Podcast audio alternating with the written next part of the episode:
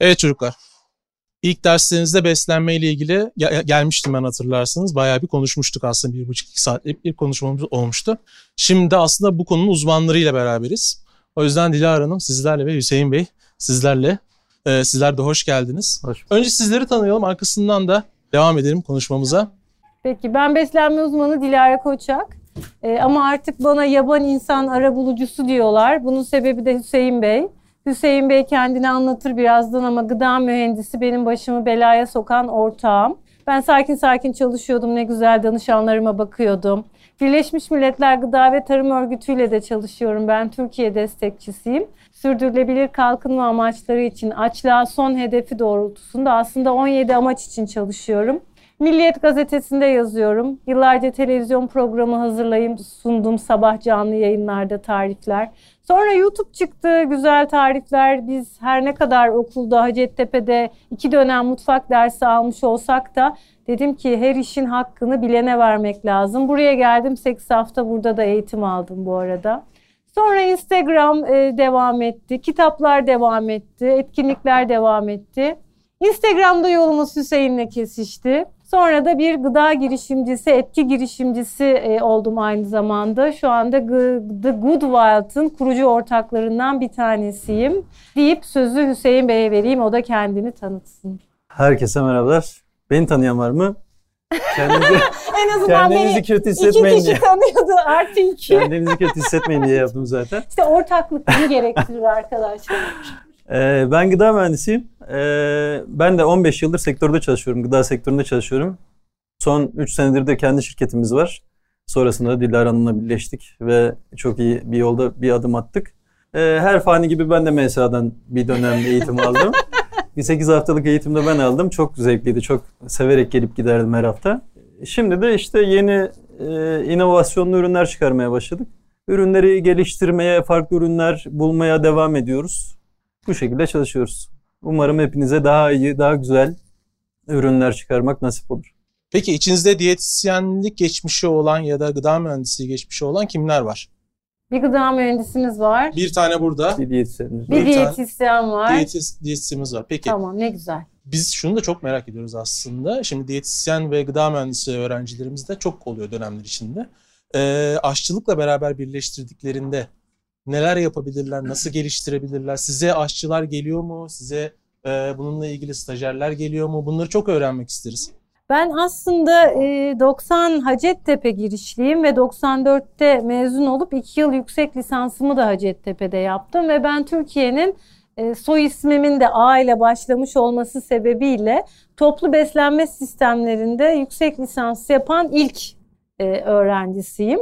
E, çünkü mutfak yönetimi menüyle başlıyor ve toplu beslenme sistemlerinde bir gıda mühendisi ve bir beslenme uzmanının hacime göre, kapasiteye göre zaten zorunluluğu var. Bu da bize şu noktaya getiriyor. Biz aslında yemeğin olduğu her yerde, toplu beslenmenin olduğu her yerde dirsek dirseğe çalışan meslektaşlarız. Aşçılarla o yüzden çok yoğun çalıştım. Ama en yoğun çalıştığım dönem tabii ki ben hastane mutfağı yönettim. 7 sene boyunca Amerikan hastanesi ve İtalyan hastanelerinin beslenme bölüm şefiydim. E, 40 aşçı, 40 garsonla beraber hem hastanedeki e, diyet yemek yiyenler hem hastanenin bütün catering organizasyonları hem personel yemekleri hem üniversitenin yemeklerini e, organize ettim. E, ve o dönemde tabii bahsettiğim 90'lı yıllarda maalesef sizin gibi eğitim veren kurum da yoktu. Çok az eğitimli aşçımız vardı. Genelde biz her hafta eğitim vermek zorunda kalıyorduk. Her hafta hijyen eğitimi yenileniyordu. Her hafta yemek pişirme teknikleri e, yenileniyordu. Her hafta gramajlar yenileniyordu. E, her hafta e, bir araya gelmek gerekiyordu. Ama şu anda e, beslenme eğitimini de vermek gerekiyordu ki şu anda siz veriyorsunuz. Çünkü pişirdiğiniz yemeğin lezzet kadar karşı tarafa sadece e, o tadı değil yani damağını, aldığı zevkle ruhunu beslemesi iyi bir şey ama bedenini de besliyor olması gerekiyor. Yani ben eğer bir şefle sohbet ediyorsam karbonhidrat, protein ve yağ konuştuğumda karbonhidratın 1 gramının 4 kalori olduğunu, proteinin 1 gramının 4 kalori olduğunu, yağın 1 gramının 9 kalori olduğunu bilmesini tabii ki bekliyorum ve istiyorum. Çünkü bunun bir de teknolojisi var.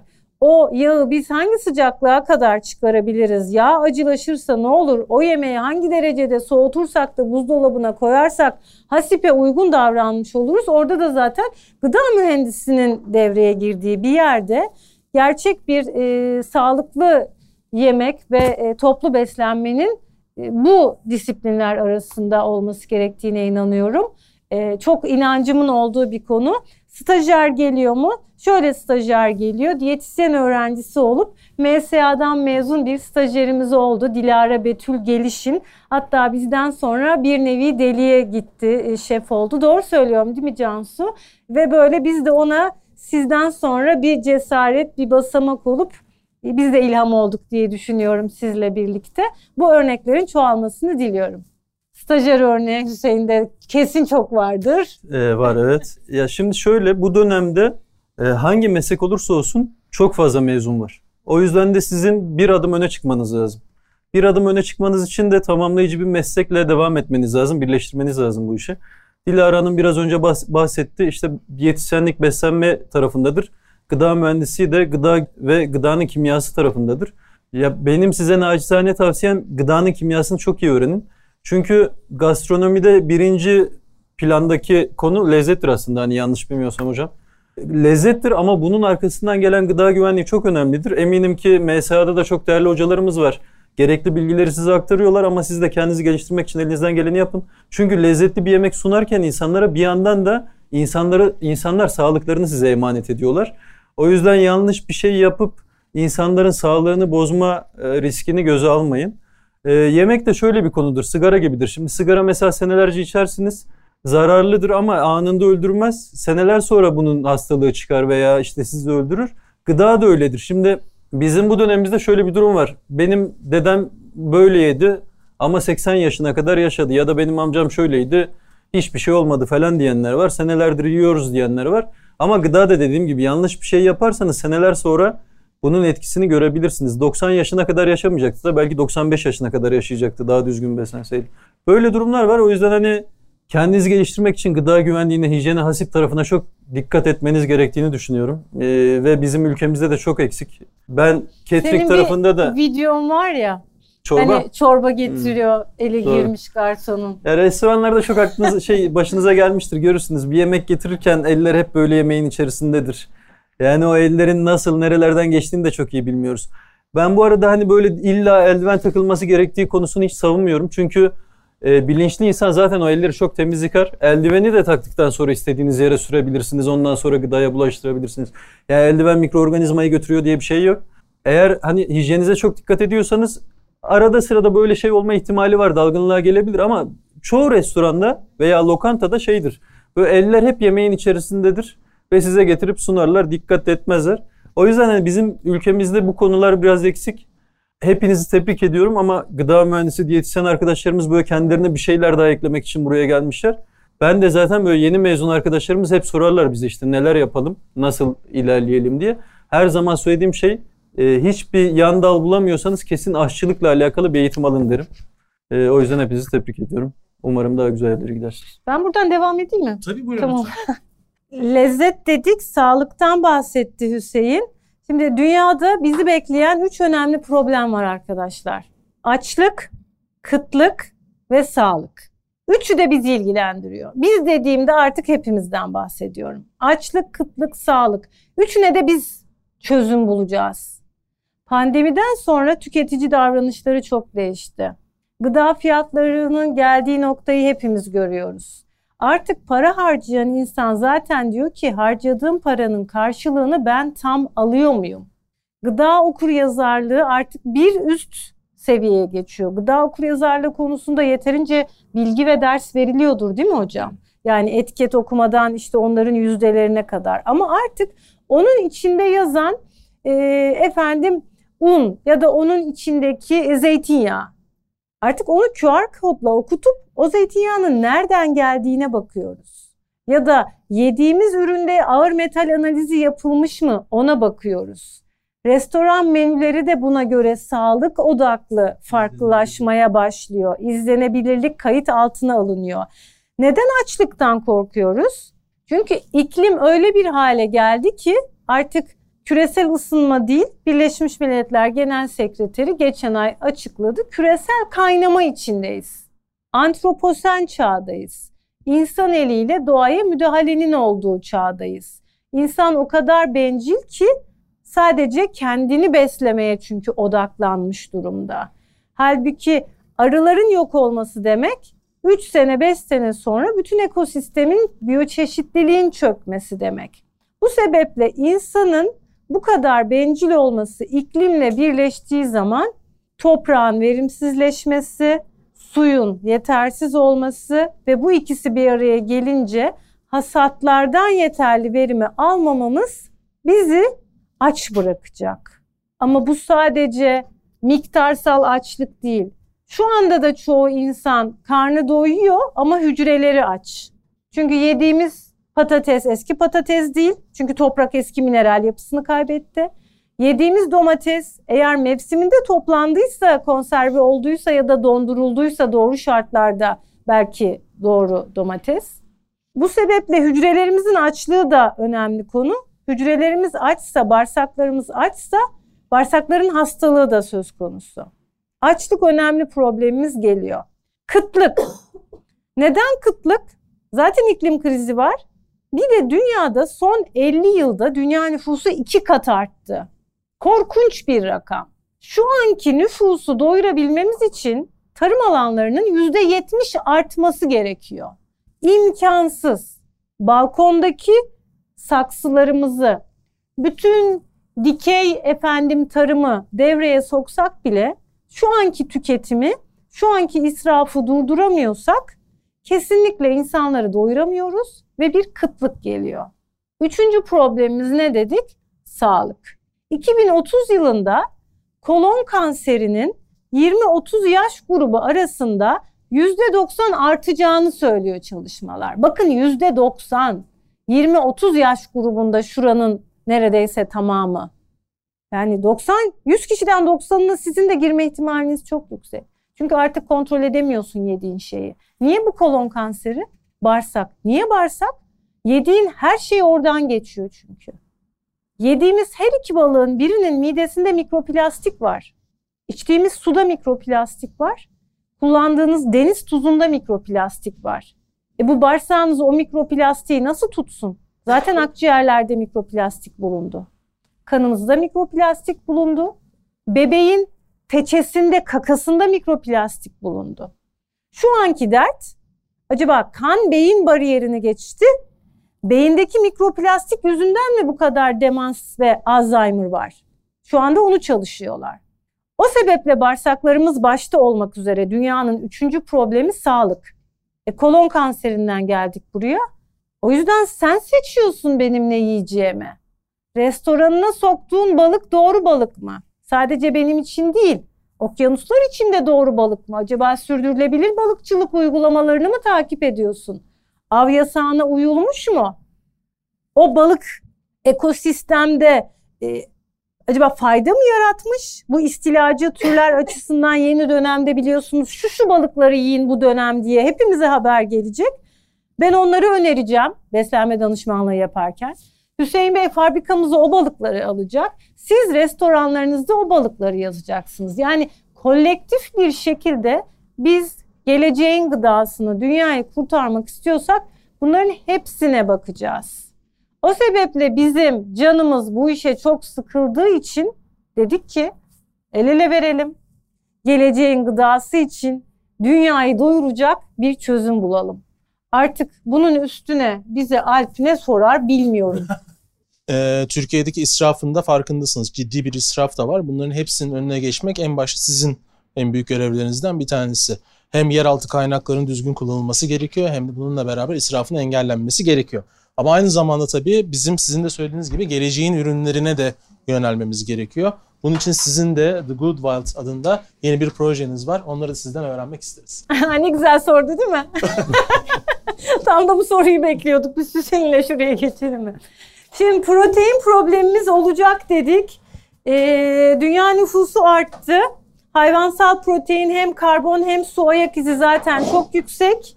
Ee, bu noktada bu yeşil mütabakatla zaten hayvansal ürünlere korkunç bir vergi geliyor ve yavaş yavaş İtalya'da Fransa'da bunun açıklamasını yaptı.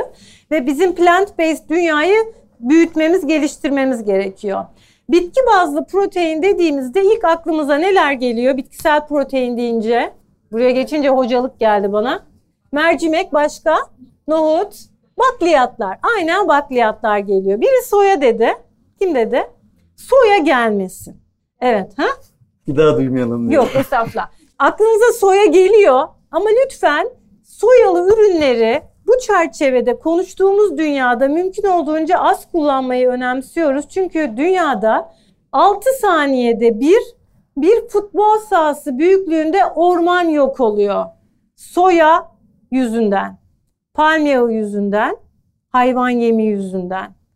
O yüzden soyaya da alternatif geliştirmeye çalışıyoruz. Vegan bireyler çok... Açınızda vegan var mı?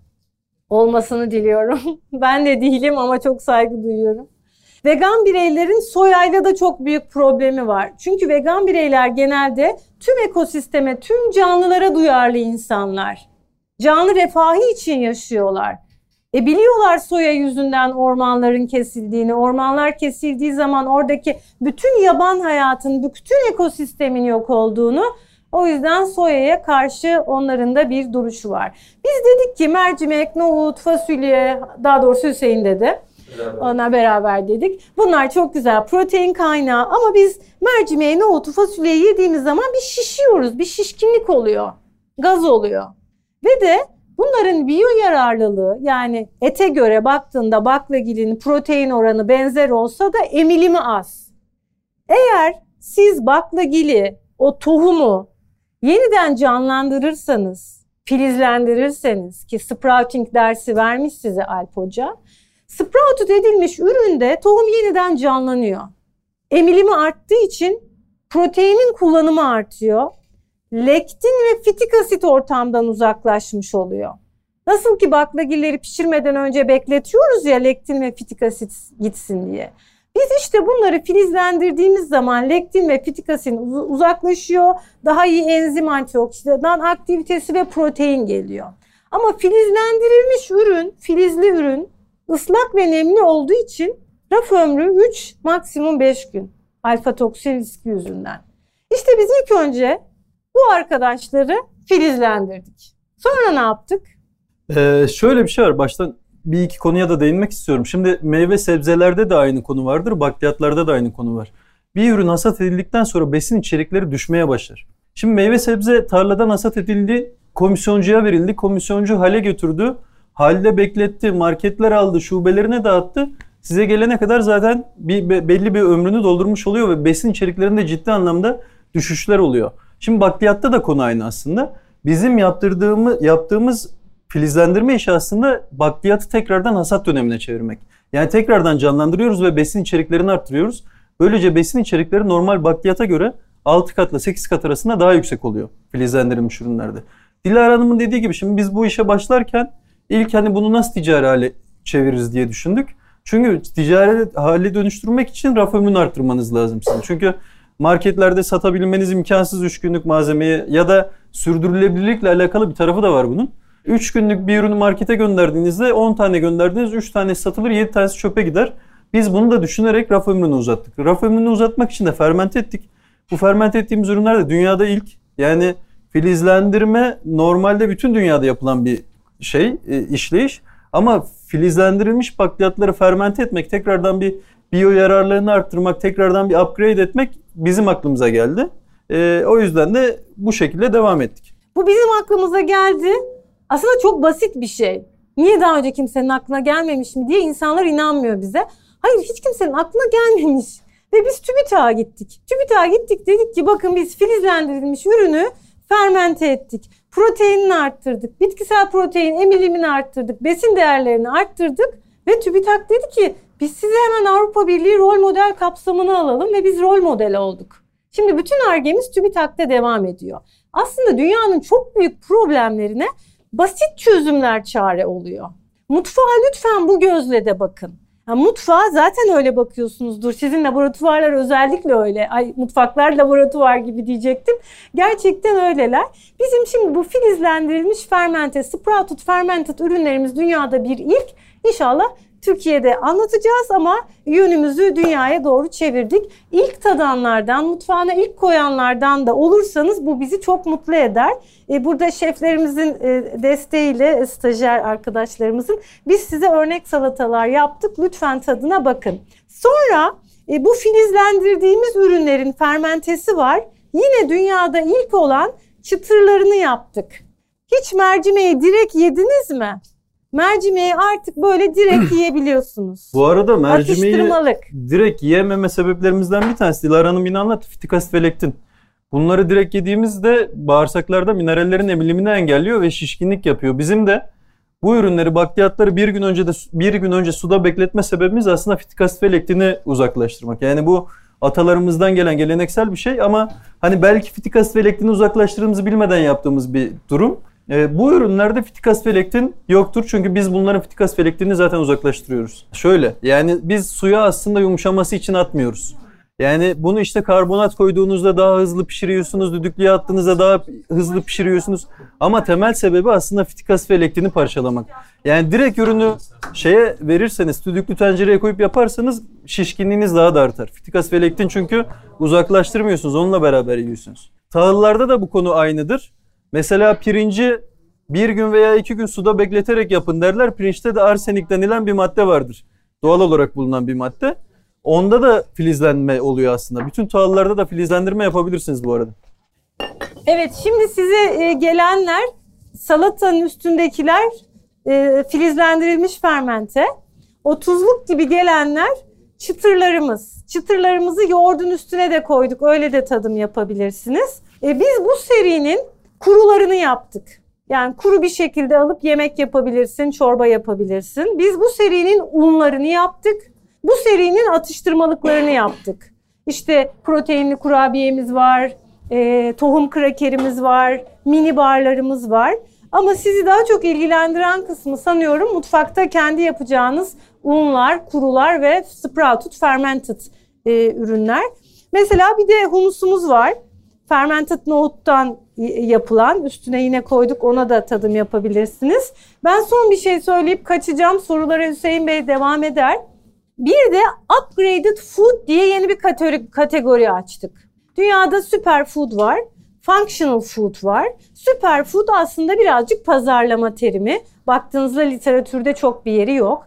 Functional food kavramı e, kabul görmüş bir kavram. Yine TÜBİTAK ve farklı üniversitelerin desteğiyle şimdi çalışmalara başlayacağız. Upgrade etmek aslında iyileştirmek demek ya. Mercimek iyi bir ürün mü? İyi bir ürün. Ama biz mercimeğe daha iyi yaptık. Upgrade ettik. Ya da kara buğday iyi bir ürün mü? İyi bir ürün. Onu upgrade ettik ki upgraded başka ürünlerimiz de var gelecek. Hepsini bugün getirmedik, anlatmadık. Markamızın bir eşsiz değeri önerisi de şu. Biz sınırlı dünyanın, dünyanın sınırlı kaynaklarının farkındayız. Açlık, kıtlık ve sağlığın farkındayız bu problemlerin. Biz hem buna çözüm olmak istiyoruz hem de tüm canlılara iyi gelen e, bir marka olmak istiyoruz. O sebeple bütün paketlerimiz de geri dönüşümlü. Bu da önemli dünyamız için. Dünyamızı da unutmadığımızı ifade etmek istiyorum. Şimdi ben hemen bir araya gireyim çocuklar. Buyurun Şimdi hocam. ürünlere tadına bakarken şunu da düşünmeniz gerekiyor. Biz salata derslerini gördük beraber. Hep üzerinde o hani something crunchy kısmı vardı ya. Özellikle mesela bu çıtırlıkları nerede kullanabilirsiniz? Bu humus nerede işin içine girebilir? Nerede devreye girebilir? Yaptığınız menüdeki bir reçeteye biz bunu eklediğimiz zaman reçeteyi nasıl bir noktada daha üst seviyeye çıkartabiliriz Upgrade diye. ediyorlar hocam kesinlikle. reçeteleri. Upgrade kısmını upgrade edebiliriz diye düşünmeniz gerekiyor. Hem tat bakımından hem aroma bakımından hem çıtırlık o ağzınızda kalan e, hissiyat bakımından mutlaka bunları tek tek ürünlerle düşünmeniz çok önemli. Yani omletinin üstüne çıtır mercimeğe koyduğun anda bitkisel proteinini upgrade ediyorsun. Ya da yaptığın salataya fermente maşı koyduğun zaman yine bitkisel protein aslında biraz probiyotik ve prebiyotikle de upgrade etmiş oluyorsun. O analizlerimiz gelince paylaşacağız onu çok söylemiyoruz. Ama ciddi bir upgrade etmiş oluyorsun. katkı koruyucu kullanmadığımızı, renklendirici kullanmadığımızı söylememe gerek yok herhalde. 1200 metrekare bir fabrikamız var karşıda. FSS 22 bin belgeleri var. Şu anda FDA ve BRC'yi bekliyoruz. Bütün tesisi de glutensiz kurduk. E, Sitare Hanım'a sözümüz var. Bir gün küçük bir turda yapacağız. Gelmek isteyenleri götüreceğiz. Sorular var mı Sorularınız dostlar, var mı? arkadaşlar? Ben bu filizlendirilmiş ürünlerin e, nasıl fermente edildiğini soracaktım. Yani normal bildiğimiz klasik turşu yap. yap Bildiğiniz geleneksel yöntemle fermente ediyoruz bunları. Aha, anladım. Teşekkür ederim. Rica ederim. Ben bu önce tattığımız mercimek e, şeylerine, Çıtır. kuru- çıtırlarına soracaktım. Onun içerisinde kajun baharatı tarzı bir şey var. Doğrudur. O şekilde tatlandırıyor mu? Doğru şöyle normalde biz bunların bakliyatlarını yapıyoruz. Filizlendirdikten sonra düşük sıcaklıkta kurutuyoruz. Bu düşük sıcaklıkta kurutma da şöyle bir avantaj sağlıyor bize. Normalde C vitamini gibi sıcaklığa duyarlı vitaminler vardır. A, D, E, K, C vitaminlerin hepsi böyle çok düşük sıcaklıklarda denatür olurlar. Biz bunları küçük düşük sıcaklıklarda 40-45 derece civarında bir kurutma işleminden geçiriyoruz. Böylece bütün besin içeriği korunuyor. Sadece C vitamininin %25 gibi bir kayıp yaşıyoruz ama onu mecbur yapmak zorundayız. Çünkü dediğim gibi ticari bir ürün olmak zorunda, sürdürülebilir bir ürün olmak zorunda. Çöpe atmamamız lazım bu ürünleri. Düşük sıcaklıklarda kuruttuktan sonra bakliyat halinde paket paket halinde satıyoruz. Ama bu crunchilerde şöyle ekstra bir şey var, işlem var. Yine düşük sıcaklıkta fırınlıyoruz ve işte baharat karışımları ve zeytinyağıyla beraber, sızma zeytinyağıyla beraber bir işlem daha yapıp ondan sonra satışa sunuyoruz. Bundan herhalde bir 10-12 sene önce bu konular geçtiği zaman bana şey diyorlar ya deli misin bunlarla niye uğraşıyorsun bu bitki işleri vesaire diyorlardı. Şimdi 12 sene geçti artık konumuz bu oldu. Ee, bundan sonra artık e, bu ürünlerin nasıl daha iyi daha verimli kullanabileceğimiz konuları ön plana gelmeye başlıyor. Bir de sizin söylediğiniz gibi ürünleri hem uzun süre son kullanma tarihlerini tutturmak hem herhangi bir katkı maddesi kullanmamak hem de bunları aslında Türkiye çapında her tarafa yönlendirmek biraz zor bir iş açıkçası. O yüzden çok kıymetli ürünler bence. Bunları hep böyle ürünlere baktığınız zaman ben bunu daha farklı yerlerde nasıl kullanabilirim de düşünmeniz gerekiyor. Mesela bundan nasıl örnek veriyorum nasıl bir granola, granola elde edebilirsiniz? Ya da bunu başka bir bara çevirdiğinizde veya bir şeyi çorbaya çevirdiğinizde ya da bir bağlayıcı olarak kullandığınızda nasıl kullanabilirsiniz? Bunlardan ekmek nasıl elde edebilirsiniz? Ya da bir bisküvi ya da buna benzer bir şey ya da bir sporcuya uygun bir besine bunu nasıl çevirebilirsiniz soruları çok yakında karşınıza daha fazla gelecek. Bu zamanlarda yine az ama artık artmaya başladı bu çocuklar. Talep de buna doğru e, dönmeye başladı fazlasıyla. Özellikle pandemi bunda çok etkili oldu. Aynen. İnsanlar sağlıklarını çok daha iyi anlamaya başladılar. O yüzden bu ürünler e, bence e, bunlarla ilgili kafa yormanızı size tavsiye ederim. Kara buğdayda başta olmak üzere. Ya şöyle bir durum var zaten. Mezun olduktan sonra sizin e, farklı bir şey yapmanız lazım. Eğer çok fazla paranız yoksa. Şimdi benim serüvenim de aslında böyle başladı. Benim çok böyle param yoktu. E, 80 bin liraya ben 150 metrekarelik bir yer kurdum. Ve tek düşüncem farklı bir şey yapmak zorundaydım. Şimdi düşünün ben salça çıkarsam tatla tam ekle veya işte diğer salça firmalarıyla nasıl baş edebilirsiniz? Nasıl rekabet edebilirsiniz? Pazarlama tarafında ezer geçerler sizi satamazsınız hiçbir şeyinizi. Eğer ön plana çıkmak istiyorsanız bir başta söylediğimiz kendinize ek tecrübeler ek- kat- katın, ek yetenekler katın. İkinci konuda çok farklı şeyler yapmaya çalışın. Yani gastronomide zaten deniz der, derya deniz bütün şey e, literatür. O yüzden hep böyle yeni şeyler üretenler, yeni yeni yemekler çıkartanlar veya yeni ürünler kullananlar bir adım öne çıkıyor. Yani bir, sizin biraz daha hızlı ilerlemeniz için farklı şeylere yönelmeniz elzem konulardan bir tanesi. Diğer bir konuda bir, bir konuya daha değinmek istiyorum. Şimdi ben kötü yerlerde başladım iş hayatına. Çok böyle iyi bir öğrenci de değildim aslında. İşte 7 senede bitirdim. Sonrasında da kötü yerlerde çalıştım. Yalnız hani hepiniz böyle çok iyi yerlerde çalış çalışamayacaksınız belki ama kötü yerde çalışmanın da çok büyük avantajları var. O yüzden hani kötü yerde çalışmaya başlayınca çok üzülmeyin tavsiyem. Çünkü kötü yerde mesela sektörün 100 tane sorunu varsa 95 tanesini görüyorsunuz ve onun nasıl çözüleceğini anlıyorsunuz. Ve bu size ekstradan bir yetenek e, sağlıyor. Birincisi bu. ikincisi bu kötü şartlardan kurtulmak için daha fazla çalışıyorsunuz. Kafayı daha fazla çalıştırıyorsunuz. Ben ne yapabilirim diye düşünüyorsunuz. Farklı bir şey yapmam gerekir diyorsunuz. Bu yeteneğiniz gün geçtikçe ilerliyor ve farklı şeylere yönelmeye başlıyorsunuz. Diğer bir konu da dediğim gibi gıdanın kimyasını çok iyi öğrenmeye çalışın. Gıda zaten sizin işiniz. Şimdi benim ilk yaptığım üretim fıstık ezmesiydi. Yine ilk başlarken dedim ki ben yararlı ürünleri daha yararlı hale getireceğim dedim. Bunu da fıstık ezmesinden başladım. Fıstık ezmesi normalde herkesin bildiği gibi çok yararlı bir ürün aslında. Ama her yararlı ürünün kesinlikle bir böyle küçük de olsa zararlı bir tarafı vardır. Mesela ıspanağın bile bir zararı vardır. İşte nitrit nitrat tuzları vardır bunda. İşte sucuk mesela yemeyin tüketmeyin onlarda nitrat tuzları var derler. Ama ıspanakta da var aslında. Ama biz ıspanağı çok yararlı biliyoruz. Yararlı gıdada şöyle bir durum vardır. Yarar tarafıyla zarar tarafının oranına bakılır. Eğer yarar tarafı çok yükseklerdeyse o küçük zarar tolere edilir. Şimdi ben dediğim gibi fıstık ezmesiyle başladım. Fıstık ezmesinde de çok yüksek miktarda omega 6 vardır. Omega 6'yı omega 6 vücutta hücrelerin inflamasyonuna yol açar. Yani hücreleri patlatır, parçalar. Aslında çok yararlı bir ürün alırken bir yandan da vücudunuza zarar veriyorsunuz. Bunu engellemenin tek yolu omega 3 kaynaklarıyla tüketmek bu işi, fıstığı. Biz omega 3 kaynaklarıyla beraber ceviz, keten, tohum, çörek otuyla beraber şey yapmaya başladık. Sonra da dediğimiz gibi bakliyatlara geldi sıra. Bakliyatlar da çok yararlı ürünler ama onların da bir zararlı tarafı vardı. Yani sektördeki açığı, gıdadaki açığı görmeye çalıştık. Bu yüzden söylüyorum zaten gıdanın kimyasını çok iyi bilin, zararlı taraflarını çok iyi görün. Onları geliştirmek için uğraşın ki sektörde çok fazla açık var. İlla ki bir tanesini bulup o tarafta ilerleyebilirsiniz. Teşekkürler. Peki ben benim bir sorum olacak. Şimdi ben yeni bir mezunum. Yakında okulum da bitecek. Okulumu bitirdikten sonra, stajımı da yaptıktan sonra bir şekilde size ulaşmak istiyorum. Bunu nasıl yapmalıyım diye eminim ki içinizde soranlar olacaktır diye düşünüyorum. Ya şöyle bizim sosyal medya hesaplarımız da var. Ee, oradan direkt hani bize e, mesaj yazdığınızda ben bütün herkese cevap veriyorum bu arada. Hatta böyle destek isteyenlere de çok destek oluyorum. Olmaya çalışıyorum daha doğrusu. Yani bir konuyla alakalı fikirlerini anlatıyorlar mesela. Hani şöyle yapılsa daha iyi olur diyorum. Veya şirket kurmak istiyorlar. Benim çünkü bir başımdan geçen bir serüven var. Ben işte 15 yıl bir böyle gıda sektöründe çalıştım. Üretim direktörlüğü de yaptım. Mutfak müdürlüğü de yaptım. Catering'de de çalıştım. İnşaat şantiyesinin catering'inde de, çalıştım. O yüzden hani bu tecrübelerimi aktarmayı da çok seviyorum. Hiç böyle bilgi saklamayı da sevmem. O tara oralardan ulaşabilirseniz e, seve seve destek olmaya çalışırım. Çok teşekkür ederiz. Rica ederim hocam. Ben teşekkür ederim. Çok Çok, teşekkür sağ olun.